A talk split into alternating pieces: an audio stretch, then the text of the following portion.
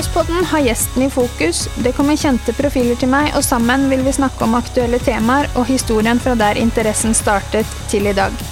Noe av det jeg er genuint interessert i, er å høre hvordan folk jobber for å komme dit de er. Kanskje det er noe flere kan lære av. Hva som kreves for å bli best, hvordan de trener, om kosthold og matinntak er noe de har kunnskap om, hvem som har vært der for dem på veien, hvordan fungerer det å være en del av et stort team i innland eller utland, om de høye toppene eller hvordan snu nederlagene. Kort sagt så håper jeg på å komme litt under huden deres i løpet av tiden vi snakker sammen. Selv er jeg bare en MX-mamma, den som skrur på syklene våre og nybegynner på banen. Sammen med gjestene så håper jeg dere vil høre historien deres både interessant og lærerik. Velkommen til Motocrosspodden.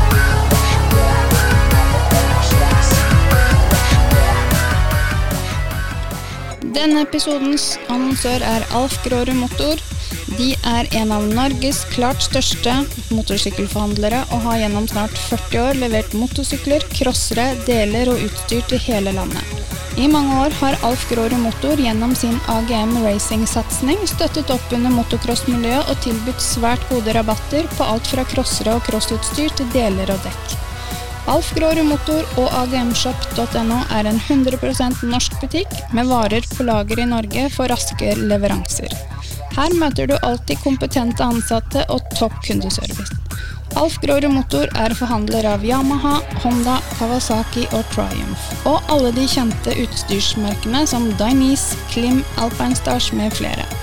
De tilbyr også et rikholdig utvalg av reservedeler, dekk og tilbør til alle kjente motorsykkelmerker. Besøk Alf Gråre Motor på Borgenhaugen ved Sarpsborg eller nettbutikken agmshop.no. Er du klar? Jeg er klar. Ja, men vet du hva, det er like kleint for meg. Jeg syns det er kleint. Ja, nei, det er ikke kleint, men det er rart. Ja, det er det, for du later som at det er uh, Jævla mye med proffe. Sitter på en crossbane i campingvogn, liksom. Men uh, jeg syns det er fett, det. Ja. Det blir jo sikkert bra til slutt. ja. Har du hørt på noen av podene? Ja. Jeg hørte på Pål Andersen. Ja, hva syns du? da? Ja, bra. Ja. Men han er jævla god til å snakke, da. Ja, men han er jo det. Mm. Her sitter jeg med Sander Agar Mikkelsen. Han skal fortelle litt om sin bakgrunn og tida i Nederland, hvorfor han kom tilbake, og hva han egentlig driver litt med nå.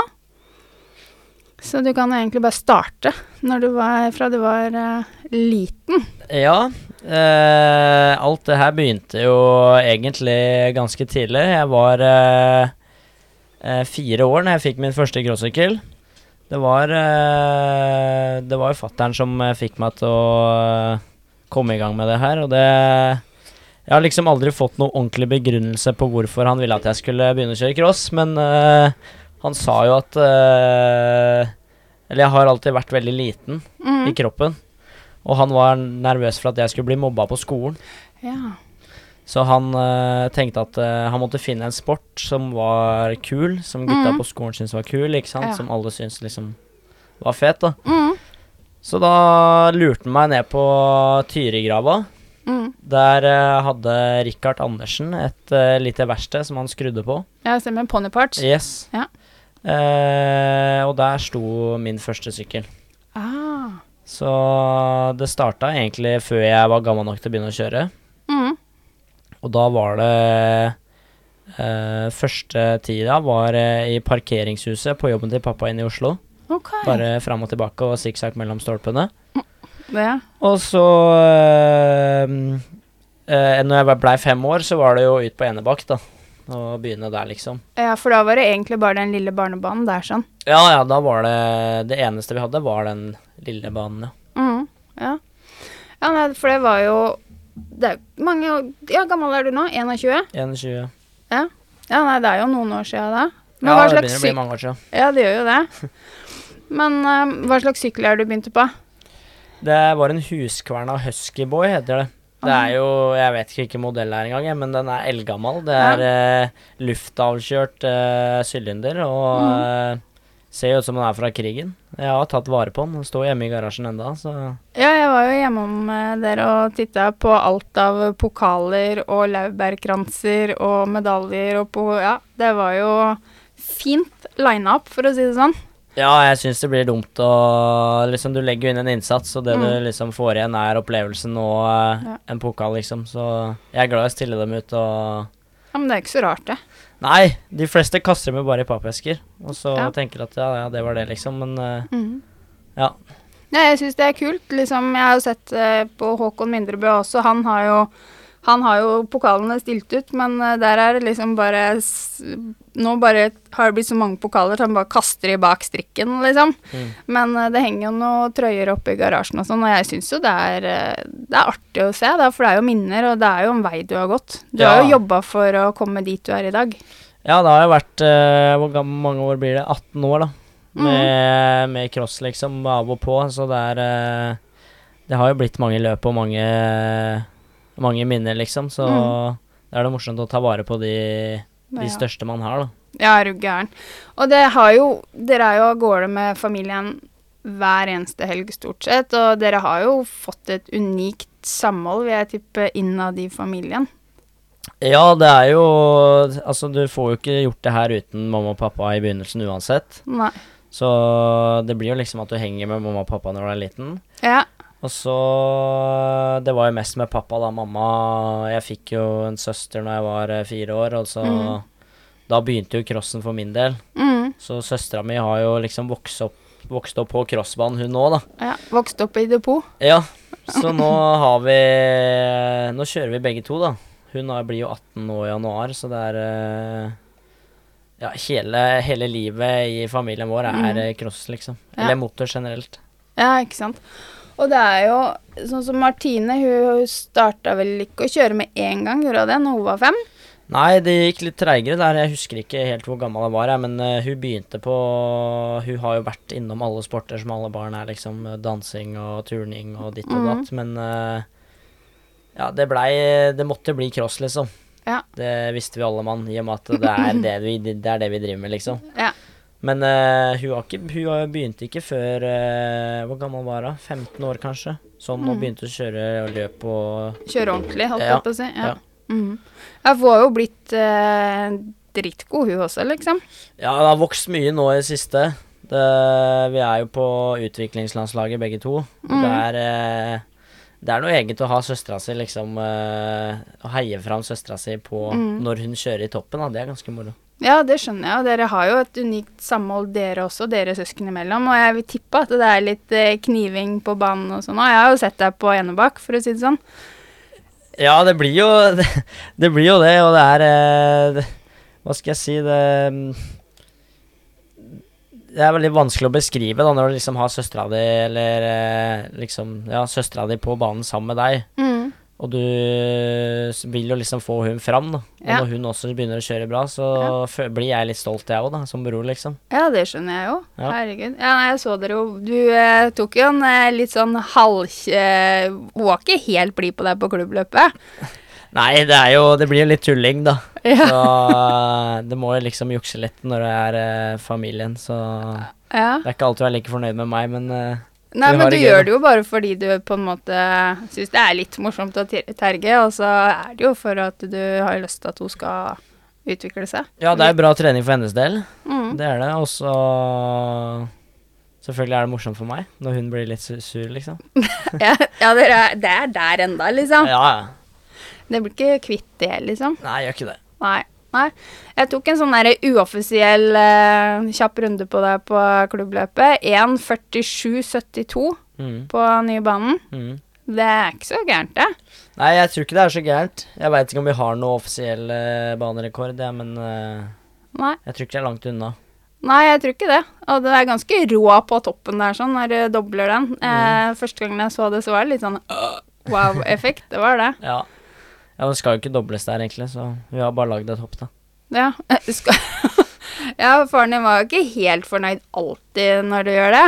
Nei, pappa er det egentlig bare å legge på hylla. Han uh, får holde seg til å skru sykkel, og så fikser jeg resten, liksom. Det er eh, Det blir for mye klaging på han, rett og slett. At det er Jeg må slappe av og roe ned og ikke hoppe, og han har begynt å bli nervøs, rett og slett. Ja, det er alderen. Det er alderen.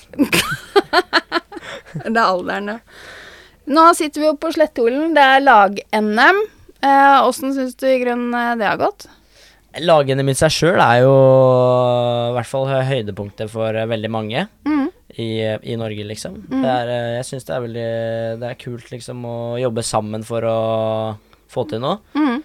Men uh, for min del så har det gått ganske bra. Jeg har lagt inn uh, det beste kortet jeg har, og har uh, hva er det, to poeng, så Ja, det er får det liksom ikke Ja, får det Det er lite du får gjort med det, liksom. Ja, det er det. Nei, det er, og det er første gang vi er på, på lag-NM, og jeg må jo si at den delegasjonen vi er fra Enebakk eh, motorsportklubb, den er, det er jo verdt eh, Jeg er kjempeimponert, og jeg syns jo det er kjempemoro.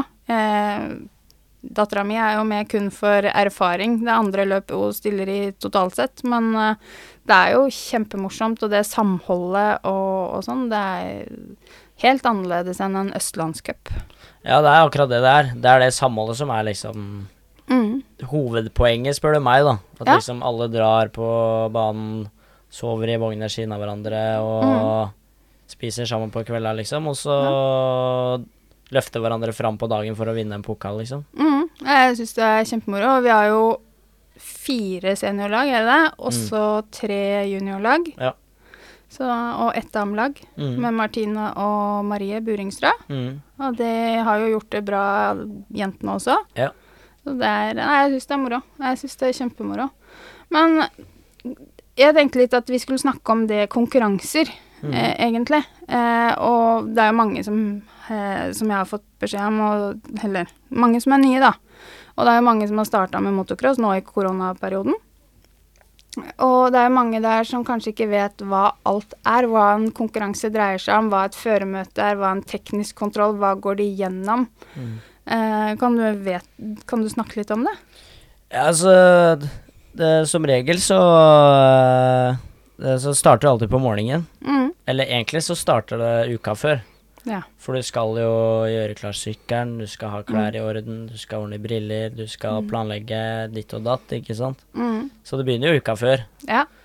Og så kommer du som regel på banen på fredag. Mm. Eh, da er det teknisk kontroll på sykkel og hjelm. Mm. Hva Eh, går det gjennom på teknisk? På teknisk er det liksom eh, det som er viktig, da. Mm. Bremser, at fotfilla går opp og ned, Mm. fast, hjullageret er i orden. Mm. At ting liksom er sånn cirka i orden, da, så får du en pekepinn på om det er noe gærent. Men som regel så når du har, når du er, Hvis det er godt forberedt, så er det som regel i orden, da. Mm. Og så sjekker de hjelm, som er eh, De bare bender litt på den og sjekker at den er i orden, for det er viktig. Mm. Og så øh, Lørdagen så begynner du med, med trening på morgenen. Mm. Bare for å bli vant med banen og liksom kjenne på alt sammen. Mm. Og da er det som regel tidskval samtidig. Ja. Så kjører du ti minutter først. Eller Mm. du har 20 minutter totalt. Mm. Eh, de første ti minuttene så er det fritrening. Ja. De siste ti minuttene er det tidskval.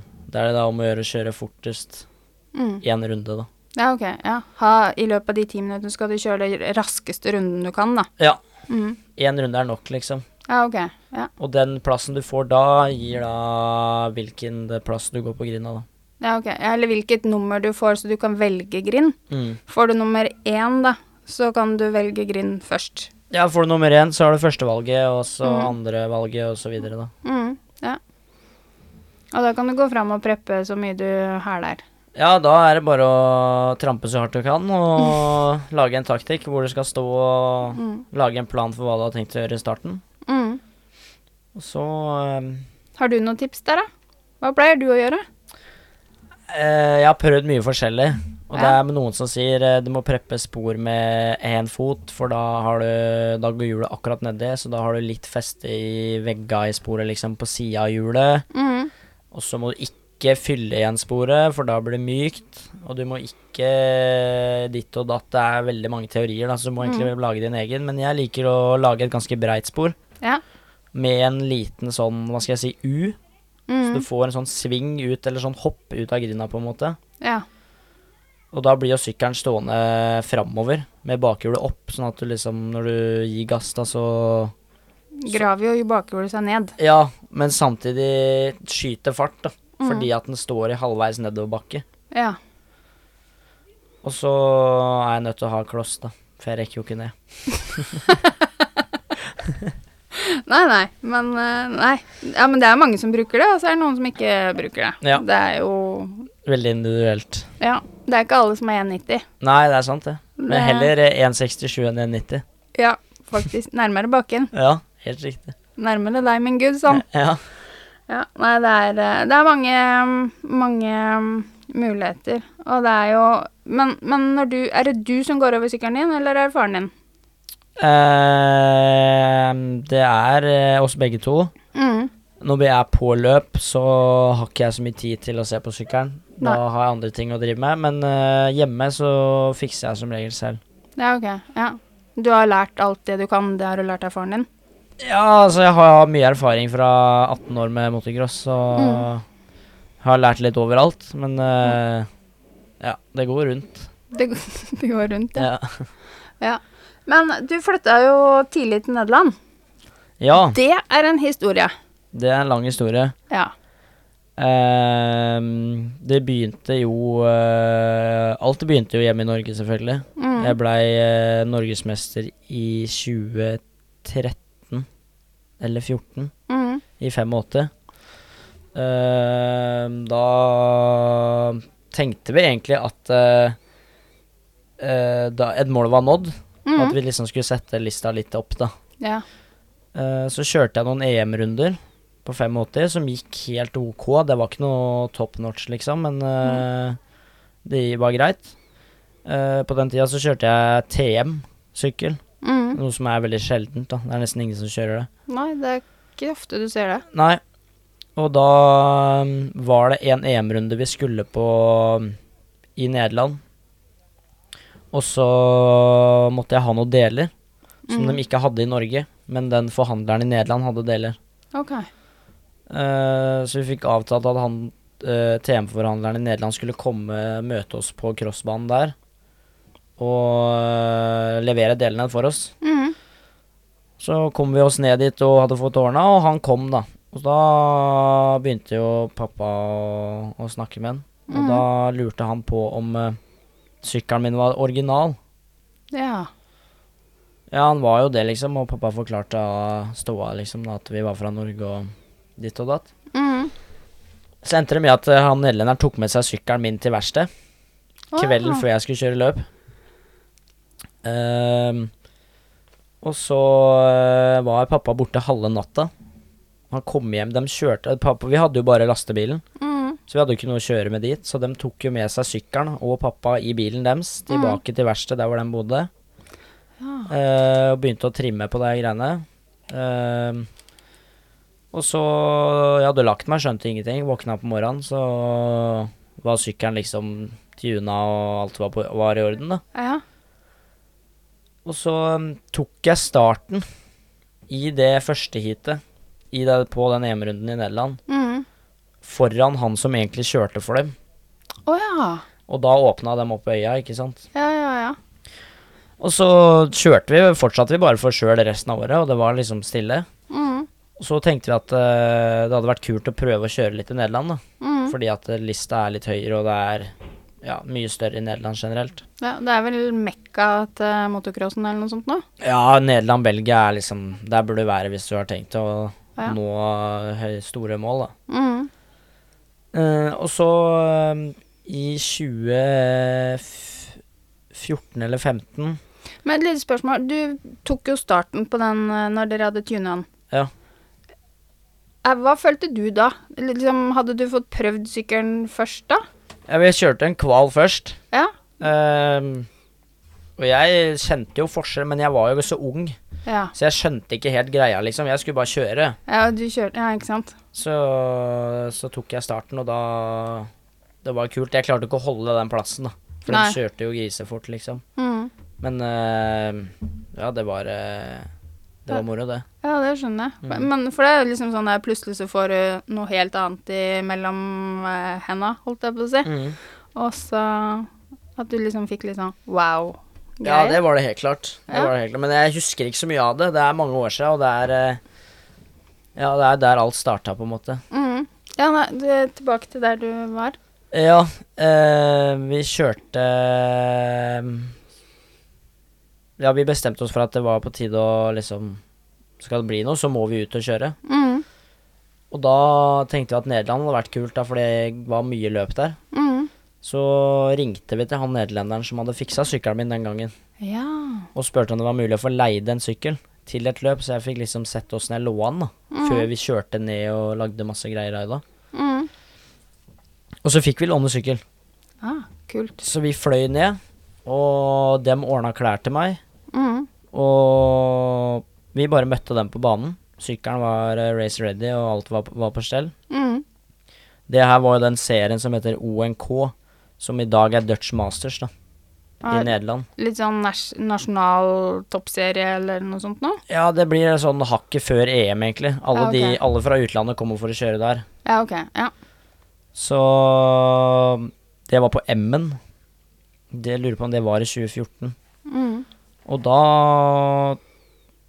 øh, vant jeg det første løpet som gikk der nede. Med den lånte sykkelen. For han karen i Nederland. ja. Og det hadde aldri skjedd før. Han hadde aldri hatt en sykkel på pallen i ONK. da. Nei. Men er jeg eh, var jo, skjønte jo ikke at det her var bra, liksom. For jeg var jo så ung, så jeg gikk rundt og bare spurte pappa med en gang jeg hadde kommet i mål om jeg kunne få en is, liksom. så Men ja. Fortsatt øh, dro hjem etter det løpet. Svær pokal, ikke sant. Pappa så stolt, og jeg gikk rundt der og vada og skjønte ingenting.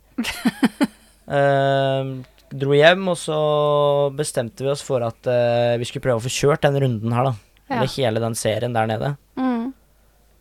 Kjørte vi opp og ned, fløy jeg og pappa opp og ned nesten hver helg hele året. Oi. Fram og tilbake og lånte sykkel, da. Ja, av de samme Av de samme folka. Mhm. Samme sykkelen og alltid samme oppsett. og alt sånt. Ja. Så lå jeg to i den serien. Sammenlagt så var det to løp igjen av året. Mm. Så fikk, eh, fikk jeg plutselig mail av at eh, det hadde blitt lagt inn en klage på meg. Fordi at jeg var for gammel til Å. kjøre 85. Oh, ja. Sånn helt ut av ingenting. Mm. Så begynte vi å sjekke opp litt det her, da. Mm. Og så viste det seg at jeg var for gammel. Oi. Men at uh, det som var litt rart, var at uh, hver gang du sjekker inn på det løpet, så Mhm. viser du lisensen din Ja. fysisk. Du må mm. liksom gi den til dem, de skal se på den, så får du den tilbake. Mm. Der står fødselsdatoen. ja. Det, så det burde egentlig vært fanga opp veldig mye tidligere. Ja, vært helt fra starten, egentlig. Det burde Ja. jo, den burde jo sagt at eh, du får ikke kjøre, for du er for mm. gammel. Men uh, det, det skjønte de ikke før helt på slutten av året. Så jeg hadde kjørt da hele året ett år for gammel. Ja. Så jeg blei diska. Alle resultatene mine fra hele det året blei fjerna fra nettet. Ja. Jeg fikk meldinger av masse forskjellige folk som skulle ha pokalene mine, fordi da rykka dem en plass opp, ikke sant. Ja, ja, ja. Og det blei mye styr, da. Og så fikk jeg Så tenkte jeg jeg må jo kjøre ferdig, Mm. men jeg fikk ikke kjøre 85 mer, da. Nei. Så fikk jeg lånt meg en 125 fra de samme folka. De satte sammen en 125 til meg. Mm. Og da var det to løp igjen, og det gikk sånn tålelig. Jeg husker ikke resultatet akkurat, ja, men det var eh, Det var helt sånn midt på treet. Mm. Og så fløy jeg hjem igjen. Det var Vinteren kom. Mm. Så tenkte vi at uh, Nederland var jo bra. Mm. Uh, og det mulighetene var jo der. Mm. Så vi hørte med de gutta som hadde fiksa det her for meg hele året, da. Om det Mm. var noen muligheter for at jeg kunne være der de tre månedene det er vinter, da. Eller fra Ja. desember og liksom utover, da. Mm. Og det var ikke noe problem. Så kjøpte vi den bobilen vi har hjemme i dag. Mm. Og utgangspunktet var da tre måneder. Ja. Uh, fløy ned. Og da var det liksom greit. Du kan flytte ned dit, men uh, du må regne med at du må være alene, liksom. Du, jeg må jobbe, eller mamma må jobbe, pappa må jobbe. ja. Uh, Da var du må 15. da var jeg 15 år. Og du, da må du klare deg selv, liksom. Du har jo selvfølgelig folk rundt deg, men eh, du må liksom legge, du må gå og legge deg sjøl, og du må Ja. jeg, jeg skjønte jo ingenting fortsatt. Jeg er 15 år og øh, Ja, jeg, jeg, det eneste jeg hørte når de sa det, var uh, skolefri og kjøre cross hver dag. ja. Så det var ikke noe sak, det. Nei. Så vi pakka bagen, da, jeg og mamma. Pappa hadde ikke tid, så jeg og mamma dro ned dit. Fikk øh, ordna bobilen, la på sengetøy og ordna gutterom til meg i denne bilen. Mm. For tre måneder. Ja. Eh, mamma var der en helg, og så dro hun. Jeg kunne da snakka engelsk litt sånn halvveis, Mm. så det hadde, kjente jo ikke de her sånn veldig godt, eller Nei. Ja, det var veldig nytt alt sammen, da. Ja, det skjønner jeg. Men så fikk jeg Så kom vi litt i gang, hvor vi fikk, fikk inn litt rutiner, og endte med at jeg spiste middag hjemme hos dem som drev butikken. Mm. De vaska klærne mine. Ja. Så gjorde jeg resten sjøl. Så hadde jeg to mekanikere som skrudde på heltid. For Eh, deg, liksom. Ja, for meg, ja. Det er rått, da. 15 år gammel. Når ja, du ser jo- tilbake på det nå, så er det jo ganske Ja, det var jo helt rått når du tenker på det, liksom. Ja. Men uh, jeg tok ikke den sjansen da jeg slutta på skolen. Ja. Uh, flytta ned dit og tenkte at uh, nå skal vi kjøre cross, liksom. Mm. Men uh, så gikk de tre månedene, da. Mm. Og da begynte jo løpet der nede igjen. Ja. Så da kunne jeg ikke dra hjem. Nei. For da skulle jeg kjøre løp. Ja, ja, ja. Så endte, så endte det med at jeg blei der, da. Ja. Hele, det her var i 2015. Mm. Endte med at jeg blei der hele året. Uh, bodde i bilen og bare holdt rutinene som vi hadde starta med den vinteren. da. Mm. Uh, mamma og pappa kom regelmessig ja, ned, og det, men det var liksom maks ja, si fem ganger i året. Var de nede og hilsa på, liksom. Ah. Jeg bare styrte alt sjøl og Ja. kjøpte min egen mat og Ja. ordna og styra. Og så eh, Første året så gikk det veldig bra. Jeg tror jeg ble tre i nederlandske. Mm. På- 125 Det var første året med 125. Mm. Ehm, så var jeg, dro jeg hjem Det var eh, Ja, dro jeg hjem i november Mm. 2015. Hjemme, var jeg hjemme over jul. Ja. Så kom januar igjen. Så dro jeg ned igjen. Ja. Og da sto bilen bare der nede. Mm. Eh, tilbake til samme rutinene og bare holdt det gående. Mm. Og så kom jo 2016, da. Mm. Som eh, Som egentlig har vært det største jeg har gjort hele, hele crosskarrieren, den 2016-sesongen. Ja. Da var det all in på Det var siste året mitt 125. Mm. Så da var det full EM, og vi kjørte masse løp. Mm. Da blei jeg nederlandsmester Mm. i 125. Eh, jeg fikk en tredjeplass i EM sammenlagt i, på et i eh, Hvor var det? Uh, Sveits. Ja. Og jeg vant en sånn uh, super motocross-runde i Tyskland. Mm. Det var også da EM, egentlig, da. Ja. Uh, så gikk det året egentlig helt uh, supert. Det var bare oppover, oppover, oppover. Mm. Eh, så skulle jeg kjøre en supercross-runde. Det var EM. Supercross-EM i Nederland på en stadion på slutten av året. Mm. Da skada jeg meg for første gang. da. Tok Ja. eh, venstre lårbein tvers av. Å, fy. Så da var det jo Heldigvis var det på slutten av året, da. Mm. Så da hadde jeg Det var ikke hadde- sånn veldig krise, for jeg hadde hele vinteren på å komme meg igjen. Ja. Og da tok det Det tok ikke mer enn to måneder, så satt jeg på sykkelen igjen. Begynte å kjøre litt, og så var jeg litt uheldig igjen og tok kravebein og skulderblad ganske kort tid etterpå. Mm. Så den, eh, den oppkjøringa til 17-sesongen var ikke sånn eh, veldig bra. Nei. Men eh, den 17-sesongen ble egentlig bare tull. For det ble, Det var litt dårlig med sykler, og det var Jeg kjørte fortsatt TM, Ja. Og jeg steppa jo opp i Skulle kjøre 250. Mm. Men det Det var noe Det var noe tull hele tida, så jeg, okay. det blei bare surr hele den sesongen. Ja, det, var det tull liksom med sykkelen, eller? Ja, for det samme, Samarbeidet. samme rutinene hadde jeg jo fra jeg flytta, liksom. Ja. Men eh, det var den sykkelen som ødela, ødela, og det tror jeg er det som har ødelagt mye av eh, resten av karrieren min som har vært etter 2016. Ah, ok. For jeg var på en ganske bra oppoverbølge Mm. den 2016-sesongen, og så kom 17 hvor liksom Da skulle det skje, da. Mm. Men da gikk det jo nedover veldig fort pga. Ja. sykkelen. Jeg kom aldri til mål, jeg fikk ikke trent, det var mye surr. Mm. Så jeg bestemte meg for å flytte. Okay. Bytte. Jeg skulle flytte til et annet sted. Jeg skulle fant et nytt, uh, nye folk som ville Satse på deg. Ja. Eh, begynte å kjøre Yamma isteden. Mm. Det som uh, var problemet da, var at uh, jeg begynte å slite litt psykisk av eh, Jeg bodde fortsatt i bilen. Mm. Men de rutinene jeg hadde hatt hos de jeg hadde bodd hos de tre første åra, Mm. uh, ble jo helt forandra plutselig når jeg flytta Ja. til noen andre. Ja. Da endte jeg med å vaske klærne mine sjøl, lage middag sjøl. Mm. Alt. Jeg sto plutselig helt aleine. Ja. Og det var litt tungt, da.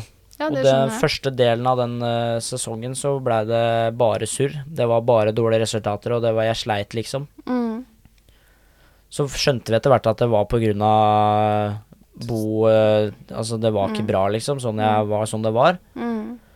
Så fikk jeg Var det en, en som eier en campingplass rett i nærheten av der jeg bodde, som ville sponse meg, da. Så jeg kunne få stå der Mm. og se om det hjalp, for der var det mer folk. Det var Du hadde mulighet til å snakke med dem, for den der sosiale biten, den har så utrolig mye å si, da.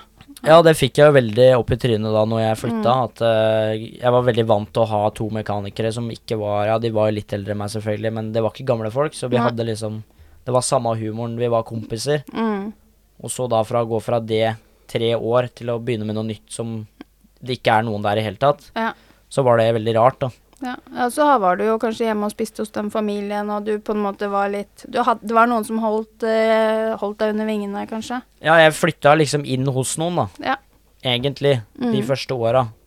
Så Men på en måte litt halvveis aleine. Mm. Men nå ble det liksom 100 aleine plutselig. Ja. Og den overgangen der var litt vond, da. Ja. Men så tenkte vi kanskje det hjelper å komme til en campingplass hvor det er folk. Mm. Uh, du kan snakke med noen, og det er Du har gress under beina, og det er liksom. Kanskje det hjelper. Ja. Så, Hadde du lært deg språk og sånn da, eller? Ja, det har jeg ikke sagt, men jeg lærte meg språket der nede ganske fort. Ja, for det er noen sånne eh, rare, klundrete greier å forstå. Ja, når du hører det og ikke kan det, så er det helt uhørt, liksom. Men eh, det tok uh, halvannet år. Ja. Så bare sa jeg at uh, nå slutter vi med engelsk. Ja, OK. Kult. Så kjører vi bare nederlandsk, så får jeg lært det, liksom. Ja. Så vi gjorde det, da. Og det, det blei jo litt sånn uh, nederlandsk-engelsk uh, Mm. i starten. Og til slutt så bare gikk alt av seg sjøl. Ja. Så jeg har jo lært å snakke nederlandsk flytende på ja, halvannet-to år, da. Mm. Det, er, det er kult. Ja, det er, det er kult, og det er uh, veldig nyttig, da. Når jeg Mm. bodde der nede, så var det veldig lett å bare snakke nederlandsk som du snakker norsk, liksom. Ja. Istedenfor å snakke engelsk og ikke veit helt hva du driver med. Ja. Men eh, ja, nei, det var fint. Ja. For da regner jeg med at når du sto på den campingplassen, så var det også lettere da å kunne snakke med folk rundt deg, da. Ja, for det blei jo alltid en snakkis, liksom. Det var Ja. veldig lett å få i gang en samtale. For dem, Ja. det var jo norske flagg på bilen, og det var liksom Skjønte at navnet mitt ikke var no, eh, nederlandsk. Og det Mhm. var mye som spilte inn, og når jeg liksom kom bort og Jeg er en sosial kar, da, så jeg mm. snakker jo med alle uansett om jeg kjenner deg eller ikke. Ja, ja, ja. Så hvis jeg gikk bort til noen for å snakke med dem og bare dro i gang med nederlandsk, så skjønte de ingenting, og da Da var samtalen i gang, da. Ja, ja, ja. Så det gikk mye bedre når jeg Mm. kom til den campingplassen og fikk folk rundt meg, da. Ja. Uh, og så uh, var det egentlig ikke noe særlig å snakke om den sesongen. Det var eh, Det blei bare surr igjen av Mm. at det kom så treigt i gang, og Mm. vi gjorde noen glepper liksom på starten. Mm. Uh, I tillegg så ble den sesongen altfor dyr. Det, Ja. Så det var ikke mulig å holde hjula i gang uh, på den måten vi hadde gjort det i året. Nei. Det var jo da i eh, 18. Mm. Uh, så bestemte vi oss egentlig bare for å flytte hjem igjen. Ja, OK. Tenkte at nå har jeg fått nok. Mm. Jeg har bodd der i tre år. Mm. Uh, ja, tre, tre og et halvt år. Mm. Det er liksom Kanskje, vi er, kanskje det er nok, da, i og med at resultatene ikke kom, og jeg hadde ikke noe gøy. Mm. Eh, så uh, kom det plutselig et tilbud på vinteren mens jeg var hjemme, Mm. om et nytt team i Nederland som trengte Overgangen 17-18, da. Eh, Eller 18-19. 18-19. Ja. Eh, fikk jeg Eller kom det et tilbud Eller dem søkte utøvere som ville Som kunne kjøre topp tre i nederlandske. Mm. Og jeg hadde jo alltid kjørt topp tre, topp fem. Mm. Veldig, Jevnt. veldig jevnt gjennom hele sesongen uansett. Mm. Så det tenkte jeg, det er jo greit. Mm. Så vi sendte dem en mail og hørte om det var interessant. Og da fikk vi svar med en gang at de ville ha et møte. da. Ja. Det her var da Kawasaki. Å Uh, så dro vi ned og møtte dem, og fikk en uh, kontrakt på 16 A4-ark med ting med, som skulle følges, og dem skulle holde og Alt sto der, da, med Mm. liten skrift. Ja. Så vi brukte litt tid på å få lest gjennom, og det var mye greier, men eh, det var jo helt utrolig det de skulle stå for, da. Ja. Det var liksom, det var for godt til å være sant. Å, såpass, ja. Så vi sleit litt med å tro på det, Mm. på grunn av eh, ja, 16 av 4 ark, nyoppstarta team. Mm. Ikke sant. Det hørtes jo altfor bra ut. Mm. Da tenkte vi greit, enten det, eller så har vi ikke noe. Vi har ikke noe å velge i. Enten så blir det Kawasaki, prøve det, det de vil tilby, eller Mm. så må vi flytte hjem, liksom. Mm. Og da var det jo bare å prøve det. Ja. Så vi gikk for det, skrev under. Ehm, så gikk det veldig bra i starten. Vintersesongen eh, dro jeg til Sardinia. Kjørte der i noen uker, videre til Italia, videre til Spania. Kjørte bare på, på varme steder hele vinteren. Så skulle løpssesongen begynne i Nederland igjen. Mm. Uh, det her var jo da i 19. Mm. Uh, begynte løpssesongen og kom på det første løpet, og ingen møtte opp. Så da sto jeg der aleine plutselig. Nei. Det, da hadde mamma og pappa kommet ned, så Ja. hadde, og jeg hadde allerede pakka bilen. For jeg hadde Mm. vært og henta sykla hos teamet, eller på verkstedet først. Mm. Så jeg hadde alt i bilen. Ja. Men jeg hadde jo da en egen mekaniker og Mm. teamsjefen, da. Ja. Men vi skulle kjøre vår egen bil. Ja. Så vi kjørte vår egen bil. Pappa kom ned, vi fløy, de fløy ned. Kjørte til banen, og så Plutselig var det ingen der. Sto der aleine, jeg og pappa. Bare ja, Hva skjer? hva skjer nå, liksom? Hva, hva er problemet? Så var det veldig mye kaos den helga, men kjøringa mi gikk veldig bra, da. Ja. Og så tok vi bare en hard avgjørelse. For det her var midt det, det her var jo ganske seint, eller det var rundt mai-tider. Mm. Litt før mai.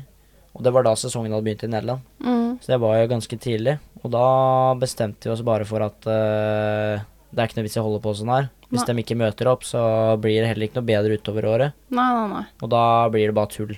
Mm.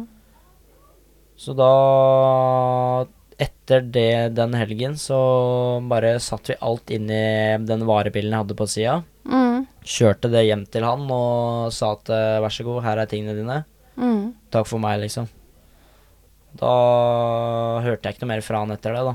Nei. Men uh, han hadde liksom Det var ikke noen begrunnelse. Det var bare Det virka som det hadde skjedd et eller annet som gjorde at han Bare dro bare ga opp hele greia. Ja. Men det var jo veldig dumt for min del, som sto liksom midt i det, hadde trent bra hele vinteren. Skulle ja, begynne å kjøre, vise hva jeg hadde trent, Mm. og så bare legger han, kaster han inn håndkleet, da. Ja. Så jeg leverte bare alt på døra, og så måtte jeg bare ta den harde avgjørelsen og dra hjem, da. Ja, for, for som topp, for du er jo en toppidrettsutøver når du driver på det nivået der, så, så er det jo avhengig av at apparatet rundt deg fungerer. At det er et system, det er en rutine i alt, da. Det er en logisk forklaring på alt. Altså, du, du kommer ingen vei uten å ha det apparatet rundt deg. Nei, ikke sant? For å drive og holde på aleine, det, det gjorde jeg store deler av 2018 når jeg kjørte Mm. Yama. Ja. Så skrudde jeg aleine, jeg dro på trening aleine, jeg skulle Mm. kjøre rundetider aleine, og det, det blir aldri noe greie på det, liksom. Nei. Så vi skjønte jo det fort at uh, Det her det, er, det siste året, det, det er bare å gi opp, liksom. Det blir, Mm. det blir ikke noe bra. Nei. Så jeg flytta hjem og fikk roa ned alt sammen, for da var jeg skikkelig lei, liksom. Da Ja. orka jeg ikke å gå og se på crosssykkelen i garasjen engang. Nå skulle jeg bare sant. gjøre noe helt annet. Ja. For da hadde det vært så mye surr. Mm. Og jeg følte at den muligheten jeg hadde i 2016, bare hadde fada ut da med åra. Ja. Var du litt skuffa? Jeg var litt skuffa, men samtidig veldig deilig, for det var, jeg hadde tenkt på det helt fra siden 2016, Ja. eller 17, da, som var dårlig. Mm. Så jeg har tenkt på at nå er jeg lei, liksom. Og du, og nå har jeg prøvd. Jeg har på en måte levd ut den drømmen. Jeg har prøvd, jeg har gjort mitt beste, og så OK, det funka ikke, på en måte. Ja, og det var litt hard realitet å få i trynet Mm. da, når, det, når du har lagt inn så mye. Jeg har omtrent hele mye av ungdomstida mi brukt der nede. Mm. Eh, kjørt cross og liksom trent for et mål, og så Ja, 2016 var bra, men det var ikke dit. Jeg skulle jo lenger. Ja. 2017 det gikk bare rett ned, og så Mm. bare holdt jeg det nede resten. Ja. Eh, så det var på en måte litt deilig å komme hjem og bare, Fade helt ut, ja. bare slappe av og tenke at greit, nå er den epoken over. Mm. Eh, jeg ville aldri selge sykkelen min når jeg kom hjem, jeg ville ha en sykkel. Ja. Men jeg skulle bare la det ligge litt, gjøre Ja. noe annet. Mm. Så begynte jeg å jobbe. Ehm, fikk jobb hos eh, en som sponsa meg litt. Mm. Og så har jeg egentlig bare holdt det med vanlige rutiner som en mann i gata hjemme. Mm. Jobber eh, Åtte til fire, eller? Det, er- Ja. det gjør du ikke. Nei, jobber litt over det man egentlig pleier, og så kjører crossen jeg har tid. Mm. Men nå Det var en periode her eh, når koronaen kom, at det var sånn Det gjorde ikke noe at det var korona at vi ikke fikk kjørt. Nei. Det var helt greit, for da Jeg var ganske lei. Mm. Eh, men nå når, det, når løpet begynte igjen her hjemme og koronaen ga seg litt, så har jeg fått tilbake gnisten og syns det er moro. da. Ja, jeg, jeg ser jo det på kjøringa di. Det er, jo, det er jo rått å se på deg. Folk som kan det de driver med, det er jo morsomt å se på deg. Uansett om det er cross eller om det er eh, skiflyvning, så er det jo kult å se på folk som kan det de driver med. Ja, det er sant. Ja, så, så det er, jeg må jo si det er eh, utrolig morsomt. Og ja, nå har jeg jo blitt kjent med en del på den korte tida vi har vært i miljøet og snakka med mye. Og det er, det er morsomt å se, se og snakke med folk som vet hva de, hva de driver med. Det er det, altså. Ja, det er, eh, det er mange som har mye erfaring her. Ja. Det Er er mange som har kjørt i mange år, og det er Mm. mange fedre som har fulgt opp unga i, i Mm. mange år, så det er Er du ny i miljøet, så er det i hvert fall ikke noe problem å, problem å komme inn i det. nei, nei, nei. Miljøet i seg sjøl er jo helt fenomenalt. Det er, all, det er veldig inkluderende. Og er det, står du der med at du mangler noe, så er det alltid noen som hjelper deg. Enten du sliter med å skru eller et eller annet, liksom. Helt klart. Så, så miljøet i seg sjøl er jo superfantastisk. Mm. Det ja, Vi digger det i hvert fall. Vi blir ikke kvitt oss med det første. Nei, jeg har jo holdt på da i så mange år, så det er, eh, Mm. det er, noe, det er jo noe bra i det. Ja, ja, absolutt. Det For du har jo gjort det bra nå både på Østlandscupen, og du har kjørt eh, NM på helgene. Og så Det er vel det du har kjørt nå, er det ikke det? Jo, altså ut ifra de Eller sånn ståa er, da, med at jeg, jeg jobber mye, og det er Mm. Jeg har liksom lagt det litt på sida. kjører cross, øh, kjører en del cross og trener, liksom, men Mm. Jeg har liksom Jeg har ikke noe mål, da. Jeg bare kjører Nei. for at det er gøy. Det er moro. Nå, Ja. er, nå er du tilbake til der at du kjører fordi det er moro. Ja. Ja. Så det resultatene som har vært, har jo vært øh, Jeg syns det er moro. Det er øh, de gutta som ligger foran meg, øh, trener hver dag og Mm. gjør ingenting annet. Så det skulle bare mangle, liksom. Ja, det, det er liksom noe med de premissene som ble lagt til grunn nå, da. Ja, det er det. Det er jo bakgrunnen av alt sammen. Mm. Men får du kjørt og trent og har et rett mål å gå etter, så selvfølgelig blir du god. Ja, ja. Jobber du sju til tre hver dag og kjører maks to ganger i uka, så blir det sånn det blir, da. Ja, ja, er du gæren. Det, det, det er helt sant, og det Men trener du noe annet ved sida, eller kjører du bare sykkel nå? Det var en periode når jeg flytta hjem at jeg ble helt gæren på, på gymmen. Jeg Ja. dro på skulle løfte vekter hele tida. Du skulle bli buff? Ja. For jeg er ganske liten i kroppen, så jeg tenkte nå er det på tide kanskje å få se om det blir noe greier på det.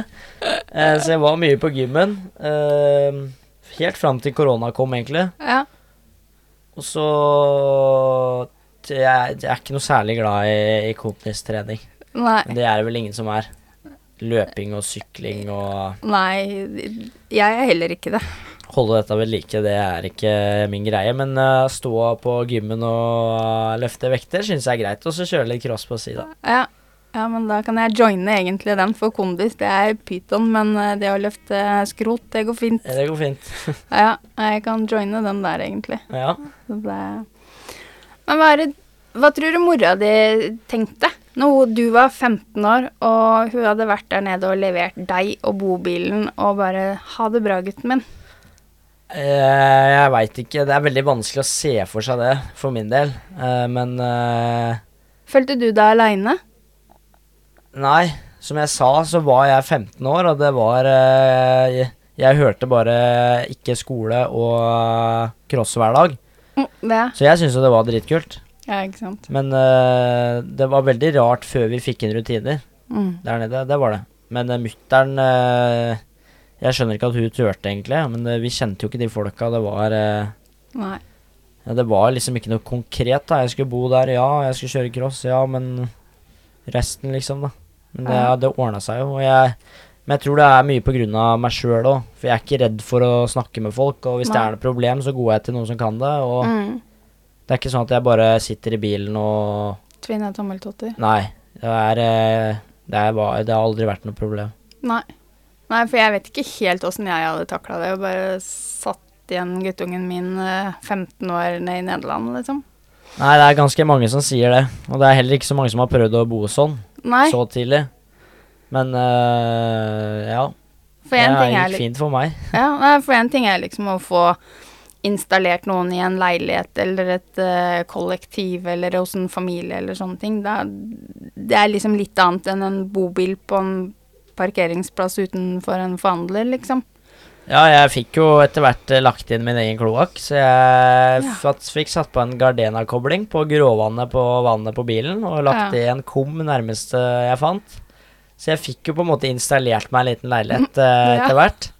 Uh, jeg brukte jo dusjen og sånn der, og da var det maks fem minutter med varmt vann. Så det var ikke noe sånn at etter en lang økt så var det deilig å ta seg en lang dusj, liksom. Nei. Så det var jo på en måte litt sånn eh, Ja, det Du var ikke mer i den bilen enn du måtte. Du sov der og lagde Ja. mat, og så var du ute, da. Ja, Eller på verksted sammen med gutta. Ja. ja, for de, de jobba ganske mye, de òg, da, eller? Med syklene dine? Jeg hadde jo tre sykler som Ja. skulle være shipshape uh, hele tida. Mm. Så det var uh, Det var vel egentlig fulltime eh, jobb på de gutta for å Mm. holde de syklene ved like. Ja, ja, ja. Eh, og det var mye testing av forskjellige ting. I og med at den Mm. TM-sykkelen som jeg kjørte, var veldig sjelden, så var det Eller få som kjørte den. Mm. Så var det mye testing for å finne det beste da, hele tida. ja. Så det var mye skruing. Og det var Ja. stempelbytter og åpning av motorer og dekk og eksos, og det var bensin, og det var eh, skulle på dynobenk for å måle effekt, og det var Mm. Så det var noe hele tida. De sto aldri Ja. med hendene i lomma. Nei, nei, ikke sant. Hm. Men hva, føler du at du har forsaka noe på veien? For meg selv. Ja. Det, å henge med kompiser du, Jeg mener du er, var 15 år. Da er det mange som på en måte syns det er ok å henge med gutta og dra på en fest og henge på butikken. Ja, jeg har jo, jeg har jo fått et veldig stort eh, miljø. Mm. Sosialt miljø. Jeg kjenner jo i hvert fall én i alle land i Europa omtrent, tenker jeg. Ja. Og jeg har jo en kompisgjeng i Nederland som er minst like stor som den jeg har hjemme her. Mm. Og det beste er vel språket, tenker jeg. Ja. Det er det jeg har lært mest av. Mm. Det er det jeg sitter igjen med. Men samtidig så Du blir jo forma som en person, da. Eller som Ja. person når du liksom flytter. Du blir veldig tidlig voksen. Du Mm. blir selvstendig, du får rutiner, og du det, Du kan ikke ligge og sove til klokka tolv, liksom. Nei. Så du må, selv om du er ung, så må du liksom Mm. Du må ta deg litt sjøl og si at det nå Du må være seriøs, liksom. Mm. Og det, det klarer jeg ikke å se for meg at alle hadde klart. da. Så Nei. det er jeg litt stolt av, at jeg fikk til å liksom stå opp om morgenen, spise ordentlig mat. Ikke Ja. sjokolade hver dag, selv om mamma ikke er der. Ja, Nesquik eh, frokostblanding. Ja. Så det er eh, Du må være hard i huet. Ja. Selv om du bor aleine og Mm. ingen bryr seg om hva du gjør. Ja. Så Ja. Ja, det var vel kanskje litt det mora di så også, at eh, du var den personen du var, da. Og derfor så regna jeg med at du landa på beina. ja. Hun tenkte vel at det var nå eller aldri, tror Mm. jeg. At uh, nå har vi sjansen. Mm. Uh, det er Nederland. Det er 1 time og 20 minutter å fly ned dit. Ja. Så det er uh, Skjer det noe, så er det ikke Det tar en dag å komme dit. Det er ikke verre, liksom. Nei. Så jeg tror det var litt sånn at vi bare tar sjansen, så ser vi. Mm. I verste fall så må jeg bare komme hjem igjen. Ja, det er jo ikke noe Det er jo ikke noe verre, egentlig. Nei, det er ikke det. Og jeg har jo opplevd sinnssykt mye. I Mm. 2016 så var jeg i 17 forskjellige land Ja, på ett år. ja ikke sant. Ikke, jeg lå ikke på stranda da, i de 17 forskjellige landa. Jeg var jo på en uh, støvete crossbane, men Ja. uh, Jeg har uendelig mange kilometer i bil. Ja, det tror jeg på.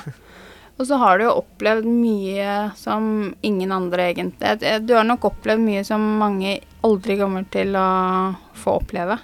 Ja, det vil jeg tro. Det har jo selvfølgelig vært mye crossbaner da, i hovedsak, men uh, alt er en opplevelse, da. Det er Mhm. ikke bare kjøringa den helga, men du skal kjøre Til og fra. Nederland, Portugal eller Nederland, Spania eller whatever først. Mm. Bare det er jo en opplevelse, å kjøre Mm. ned dit. Det Ja. tar liksom et par dager, og du bor jo med team i bilen, og det er Mm. eh, Det er et eget liv, da.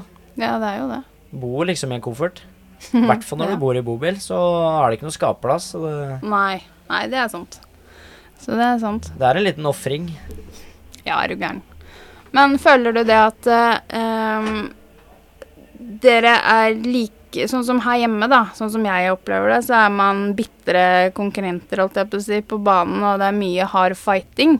Og også i eh, depot eh, etterpå så er man kompiser, og man henger sammen og sånne ting. Er det sånn i det EM-sirkuset også?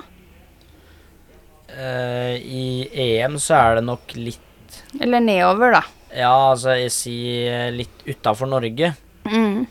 så er det nok eh, Eller si, hvis du sier EM, da, så er det jo folk fra forskjellige land. Mm. Uh, ikke alle kjenner alle. Nei. Og der blir det nok litt sånn enemies, enemies selv om det er på banen eller ikke. Ja, OK. Eh, I Nederland så er miljøet ganske bra, eller likt som Norge. Ja, ok. At Ja. eh, Selvfølgelig så har du en eller to som du liksom ikke orker å se på. Mm. Sånn er det jo alltid, men eh, de fleste er venner. Ja. Hva er den beste banen du har kjørt på?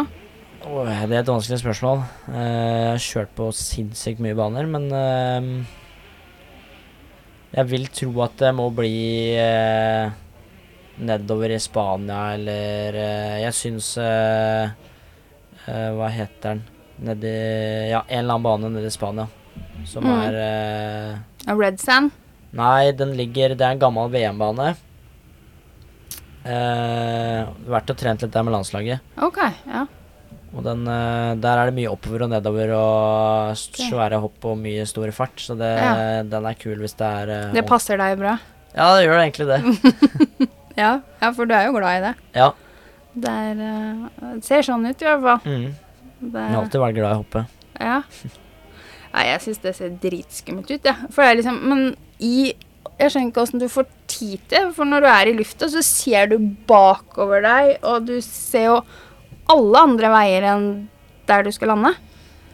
Ja, det blir jo litt sånn fly til seg sjøl, da. Problemet er at eh, når jeg kjører, så blir jeg egentlig litt svart. For jeg, det hender at jeg ikke husker helt at jeg har kjørt. Å ja. Så det blir litt sånn uh? Litt blurry. Når, uh, når jeg trer på meg hjelmen og grinda detter, så Mm. er det ganske mørkt fram til målflagget går. OK. Så hvis noen sier at uh, du kjørte sånn og sånn der, så sier jeg bare OK, men jeg husker ikke det. Nei. Så det er Ja, for da er liksom skylda Du er så fokusert på den oppgaven du har foran deg, at det er liksom Ja, alt går av seg sjøl, da. Tunnelsynet er på plass. Ja. Så det er vanskelig å liksom huske Huske noe i det hele tatt, egentlig. Mm. Men uh, Ja, nei, hopping og sånn er jo én ting, da, men uh, det går så fort. Ja, for Så- du er jo ikke i lufta så sykt mange sekunder, liksom. Og da å skulle se bak deg og siden Det, det er litt sånn Det er jeg liksom fascinert av, da. Ja, det er bare noe, det er bare noe som går av seg sjøl. Det liksom Ja. det er ikke noe jeg tenker over, men det Nei. Nei, og det tror jeg på. Ja, nei, men jeg tror på det. Men det er liksom det Du må jo ha gjort, begynt med det på et eller annet tidspunkt, og det tenker jeg er sånn derre Mm, Da hadde jeg stått med henda bare Wow. Som mamma, liksom. ja, Ja. Se framover. ja. Fokus. Ja, du må ikke, må ikke snakke med pappa om det her. Da blir det bråk, for han eh, hater det hoppinga. Ja, han skulle egentlig kjørt speedway eller noe sånt nå. Ja, han har, eh, han har prøvd å kjøre cross før. Eh, han kjøpte mm. helt ny sykkel, og eh, Ja, det tror jeg mora di fortalte nedi borti USA. Ja, stemmer, de var der. Og da, i 2009, Ja. tok hun med seg en crossykkel hjem, og det kunne da ikke være så vanskelig, mente han da. Det er jo liksom bare å gi gass, sånn som alle sier, da. Ja. Og det var to treninger, så solgte han sykkelen. Det var livsfarlig, mente han. Og den hoppinga var i hvert fall bare tull, så Ja, ok. Ja. Den sykkelen var bare inn og ut av garasjen. Ja, men faren din er Jeg tror jo både faren din og mora di er jo verdens største fan av både deg og Martine. Ellers så hadde de jo ikke gjort alt det de gjør, og forsaka det de har gjort, da, for at dere skal kunne holde på med den lidenskapen dere holder på med. Nei, det er akkurat det. Alt, eh, alt vi gjør, altså jobb og hele livet vårt, Ja. eh, på og av crossbanen for så vidt, består Mm. jo av den der motorsykkelen. Ja, ja, men ja, og det er litt sånn som det er for Vårs også blitt nå, da, i løpet av det ene året. Ja. Liksom solgt eh, dyr, fin eh, BMW for at vi skal kjøpe billig bil for at resten av de For å frigjøre kapital, så vi kan eh, bruke mer penger på cross, liksom. Mm. ja, det er sånn det blir. Ja, det blir jo det. Og det man er jo konstant fattig, at alt av penger og tid går jo på cross. Ja, det er i hvert fall ikke gratis det her. Det er, eh, nå har jeg nå begynt å jobbe sjøl og tjene mine egne penger, og Ja. selvfølgelig hjelper jeg til å betale på mine ting. Ja. Men eh, når en kanne med bensin koster eh, 400 kroner på en trening, liksom, så Ja. blir du deprimert. Og det verste er at du må fylle for Martina. Ja, pluss at det er olje i bensina. Ja, Så det er eh, det koster penger. Det er eh, Det er ikke noe å anbefale å begynne med, sånn sett. Men eh, Det er billigere enn gokart, da. det er det. Og så er det mye morsommere. Ja, helt klart. Ja, nei, så det er litt sånn jeg prøver å lære unga mine også bare Ja, nei, men vi kan jo bare kjøpe oss det eller det. Jeg bare mm, Nei, jeg trenger penger, vet du. Ja. Akkurat sånn det er hjemme hos oss òg. Ja. Det, er, eh, det blir litt sånn. Men det er jo forferdelig moro, og det er jo litt sånn derfor jeg For jeg er så nysgjerrig på hvor, hvordan folk klarer å komme dit de gjør, da. Og, og det er jo derfor jeg starta den poden her, Mm. egentlig. Fordi at jeg er så innmari nysgjerrig, og jeg vil gjerne lære. Mm. Og det er så mange gode historier der ute, og jeg mener at du er en av, en av de, fordi at det er ikke så mange som har gjort det du har gjort, da. Med å dra ut som 15-åring og bor aleine i Nederland i x antall år, liksom. Mm. Det, det er ikke det. Så jeg syns det er ganske, ganske tøft. Du har en ganske unik historie, da. Ja, jeg tror ikke det er så mange som kan uh, fortelle akkurat det Akkurat den historien fra, fra Nederland. Den uh, Ikke så mange som har gjort det samme. Nei, det er ikke det. I hvert fall ikke så tidlig. Nei, nei, nei. Og du er jo Alle vet jo hvem Hvis jeg sier uh, Sander Agar Mikkelsen til noen, så alle vet jo hvem du er. Ja, det blir jo sånn, da, men det er jo mest fordi at jeg har kjørt cross siden jeg var bitte liten. Og nå er jeg 21 år, og det er uh, Ja, men har- du har jo noen triumfer oppå det der, da. Ja, jeg har jo det. Men uh, det er jo Jeg har jo vært i miljøet i mange år, da. Mm. Og det er Det er sånn det blir, det. Ja, men du er jo et forbilde også, da, for mange av de som er unge. Tenker du over det? Nei, jeg gjør egentlig Eller jeg gjør Jeg er ikke sånn at eh, jeg liker egentlig ikke å snakke om meg sjøl. For jeg bare har det gøy og gjør min ting, og så mm. snakker jeg med alle som kommer, og det er Mhm. hyggelig å snakke med unga, og dem kommer Ja. bort da. Men uh, jeg bare kjører og syns det er gøy, og så blir resten som det blir. Ja. Nei, for det er jo Ja, nei, i hvert fall sånn som alle de jeg har snakka med, vet jo veldig godt hvem du er, og hva du har oppnådd, da. Og liksom bare Å, se der er Sander. Det er litt sånn, eh, sånn der. Jeg har jo noen meritter, jeg skal innrømme det, men det er eh, Jeg har jo kanskje kjørt fort siden jeg var liten. Mm. Det er noe som kom naturlig for deg, da. Jeg kjørte sinnssykt mye cross Ja. når jeg var Ti liten. timer, timer, timer. timer. Kjørte det flere tre-fire ganger i uka da jeg var liten. Og det Mm. var eh, hjem fra skolen og bare hoppe i bilen og dra Mm. på banen. Uh, så jeg har jo liksom hatt farta i kroppen siden jeg var bitte liten. da. Mm. Og det har fulgt opp da ganske bra i alle klassene. Mm. Så har jeg holdt meg til samme klubb Ja. i alle år, Mm. og det hjelper jo litt. For da får du jo liksom Du får en egen familie i klubben, da. Mm. Så kommer det nye folk, og så Mm. Ja. Men det er viktig å holde eh, Altså holde deg eh, Hva skal jeg si Eh, Ja, det er mange, mange i klubben som uh, Ja, jeg veit ikke hvordan jeg skal forklare det, men det er uh, Å holde deg liksom til de samme folka i mange år, Mm. så er det bedre enn å flytte rundt og Hige etter noe bedre. Ja. Ja, ikke sant. Ja. Så jeg har jo vært i Enebakk siden jeg begynte å sykross. Mm. Og det er ikke noe jeg har tenkt å flytte fra, for å si det sånn. Nei, nei, nei. Du blir ikke headhunta nå? Nei, jeg gjør ikke det. Nei, ikke sant. Den er over? Ja. Den er over. Ja. ja, nei, men sånn i forhold til team og sånn, har du vært på noe team før du flytta? Eh, nei. Eh, jeg kjørte har egentlig bare vært meg og pappa hele tida. Ja. Helt til jeg flytta til Nederland. Eh, Men åssen har du på en måte den teknikken Jeg mener, det er jo en teknisk sport. Åssen har du på en har, Er det faren din som på en måte har vært din trener? nei, jeg har jo hatt noen trenere opp igjennom. Ja.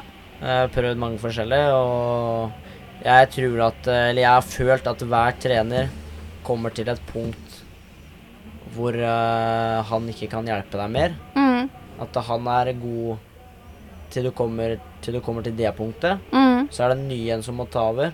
Ja. Du kan bare ta deg videre til det punktet, Mm, og så videre og så videre. ja. Så jeg begynte jo Jeg har kjørt mange år med Morten Bjerkeli da jeg var liten. Mm, um, som har vært veldig bra. mm, så uh, har jeg kjørt mye med Kristne Vangsbakken, ja. som er trener på NTG. NTG, ja. ja. Ehm, Ja, jeg, For det var litt sånn en av de andre gjestene jeg har eh, Du skal på en måte publiseres før hun, men hun har sagt akkurat det samme mm, som det du gjør. Og hun sa også at hver trener har liksom litt sin egen lille hemmelighet. mm. Så ja, hver og en hjelper deg med én ting. Ja. Så Noen er flink til det, Mm, en annen er flink til det. ja. Sammen, da. Så blir det Så en sykt det- bra pakke. Ja. Mm. Men samtidig så tror jeg det er viktig å prøve å holde seg til én så lenge man kan. Ja. Altså ikke bare bruke han et år, og så Nei. hoppe ny, og så ny, og så ny, og for at du skal jage noe nytt. Nei. Liksom ta tida til å bli kjent med treneren. Mm. At han ikke bare blir en sånn masekråke som står på sida og ber deg løfte albuen, liksom. Mm. Ja. At du får et forhold til den, da. Mm. Um, så det har jeg. Jeg har ikke hatt veldig mange forskjellige. Nei. Jeg har vel egentlig bare hatt uh, ja, noen få, men eh, det er jo mye av at jeg flytta til Nederland. Ja, ikke sant. Men sånn eh, skolemessig og sånn, jeg leste litt på um, nettsida til NTG, apropos NTG. Og der står jo navnet ditt. Ja, det er ikke noe jeg er veldig stolt av, men eh, jeg gikk der eh, Jeg flytta jo til Nederland uh, når jeg slutta i 10. klasse. Mm. Og da for at jeg skulle i hvert fall ha en fair sjanse til å få fullført videregående, Mm. samtidig som jeg skulle kjøre cross i Nederland, Ja. så var NTG eneste muligheten. ja. Så kom jeg inn der, Mm. Uh, uh, og samtidig flytta til Nederland, så jeg hadde to sett med bøker. Mm. Uh, greia var at jeg skulle ha hjemmeundervisning, på en måte. Jeg, eller jeg måtte ordne undervisninga mi sjøl. Oh, ja. ja. Så jeg skulle da Det er easy som 15-åring. Ja, planen var at jeg skulle sitte nede i bilen, Mm. eh, lese bøker om uh, andre verdenskrig og uh, Norrøn mytologi. Yes. Uh, det er ganske obvious at det ikke skjer når det står crossykler og bråker på utsida av døra, og det er ingen som står der og sier 'du må gjøre skole', liksom. Mm. Så jeg klarte ett år, da. Uh, minus noen fag som ikke gikk. Mm. Så um, begynte i andre klasse. Tenkte jeg greit, er bare prøver, liksom. Og da tok jeg jo opp de faga som jeg ikke hadde fått til. Mm. Så til første En av de faga var matte. Så skulle jeg ta matte på nytt. Mm. Og så skulle jeg ha eksamen, eller hva det var, da. Ja. For, fra førsteåret. For å bestå førsteåret. Oh, I løpet av ja. det halvåret. eh, Det første halvåret i andre klasse. Mm. Og da fikk jeg privatlærer som jeg skypa med for å få til matte. Ja. Og det gikk egentlig veldig bra. ja. Og så kom datoen når jeg skulle ha eksamen hjemme. Og da glemte jeg det, så jeg var ikke hjemme. Oi. Så det kasta jeg bort. Jeg fikk ikke lov å ta den opp igjen heller. Nei. Det var bare Det var den dagen ferdig. OK. Så jeg kom hjem da og missa datoen på denne eksamen, og da var det Hele året med privatlæreren var kasta bort. Å, fy. Og da sa jeg til mutter'n at nå dette er ikke noe vits lenger. Nei. Det blir ikke noe greier på det, og det er bare surr hele tida. Mm. Og da, etter veldig mye diskutering med mutter'n Fattern eh, han tenkte bare bli ferdig med den skolen, så vi forsøker oss. Ja? Mutter'n var litt mer sånn eh, Ja, for hun er lærer. Ja, hun er jo lærer selv, så hun tenkte greit, prøv å liksom bare få bestått, liksom. Det er samme Ja. hvilken karakter, bare bestå videregående, så er vi fornøyd. Ja. Men jeg, det blei to mot én, da. Jeg og pappa mot mamma. Så da blei det bare at vi sa opp hele greiene. Så Mm. jeg har gått ett og et halvt år på videregående. Ja, ok. Ja. Men eh, ikke bestått et og et år, men jeg har prøvd å gå ett og et halvt år. ja. Du har prøvd det. Ja. Ja. Har du begynt å tenke på noe utdannelse når du kom hjem, da? Eh, nei. Jeg gikk egentlig Det var egentlig min største frykt, det hva som skulle skje når jeg kom hjem fra Nederland. Mm. For at jeg har blitt vant til å ikke jobbe og bare Mm. trene og ha det gøy. Mm. Ehm, men så fikk jeg jobb hos eh, den, en sponsor som jeg har hatt, som jeg fortsatt har, men Og han, eh, der har jeg jobba jeg nå enda. Mm. Jobba i tre år, så det er helt siden jeg kom hjem. Ja. Blir ikke, slutter ikke der. Slutter jeg ikke der med det første. Nå driver jeg og tar lastebillappen nå, så da Ja, ja, ja. Det blir jo på en måte utdanninga mi på Ja, ja men det, det er liksom Skole er mye, men skole er ikke alt, da. Man, man kan få godt betalte jobber i dag selv om man ikke har skole. Jeg, nå skal ikke jeg si til alle som hører på at eh, skole er dritt, altså. Men uh, det Nei, det Altså, jeg har jo klart meg eh, Det blir kanskje litt feil forbilde, da, men uh, jeg har ikke gått på skolen, og jeg har eh, Jeg har alt jeg trenger. Ja. Jeg har liksom en jobb med en grei lønn, og det er Jeg har liksom ikke et eneste papir fra skolen. Nei. Så det er alltid en mulighet, da, men uh, gå på skolen hvis du Gå helst på skolen. Helst si på sånn. skolen. Ja, Ja, det er Ja, det er- lettere, det. ja, det er noe med det. Ja, jeg har ikke flest år på skolen, jeg heller. Men uh, jeg har klart meg, jeg òg. Ja da. Alt går. Alt går bare man vil. Helt riktig. Ja, det er helt riktig. Skal vi gå ut og så se på? Nå veit jeg at det er uh, C-finalen. Ja, vi gjør det. Og heier fram Enebakk. Vi må heie fram Enbakk. Mm. Go Enbakk. Go Enbakk. Takk for at du tok deg tid. Ikke noe problem, det var veldig hyggelig. Ja, takk. Da avslutter vi. Thank you.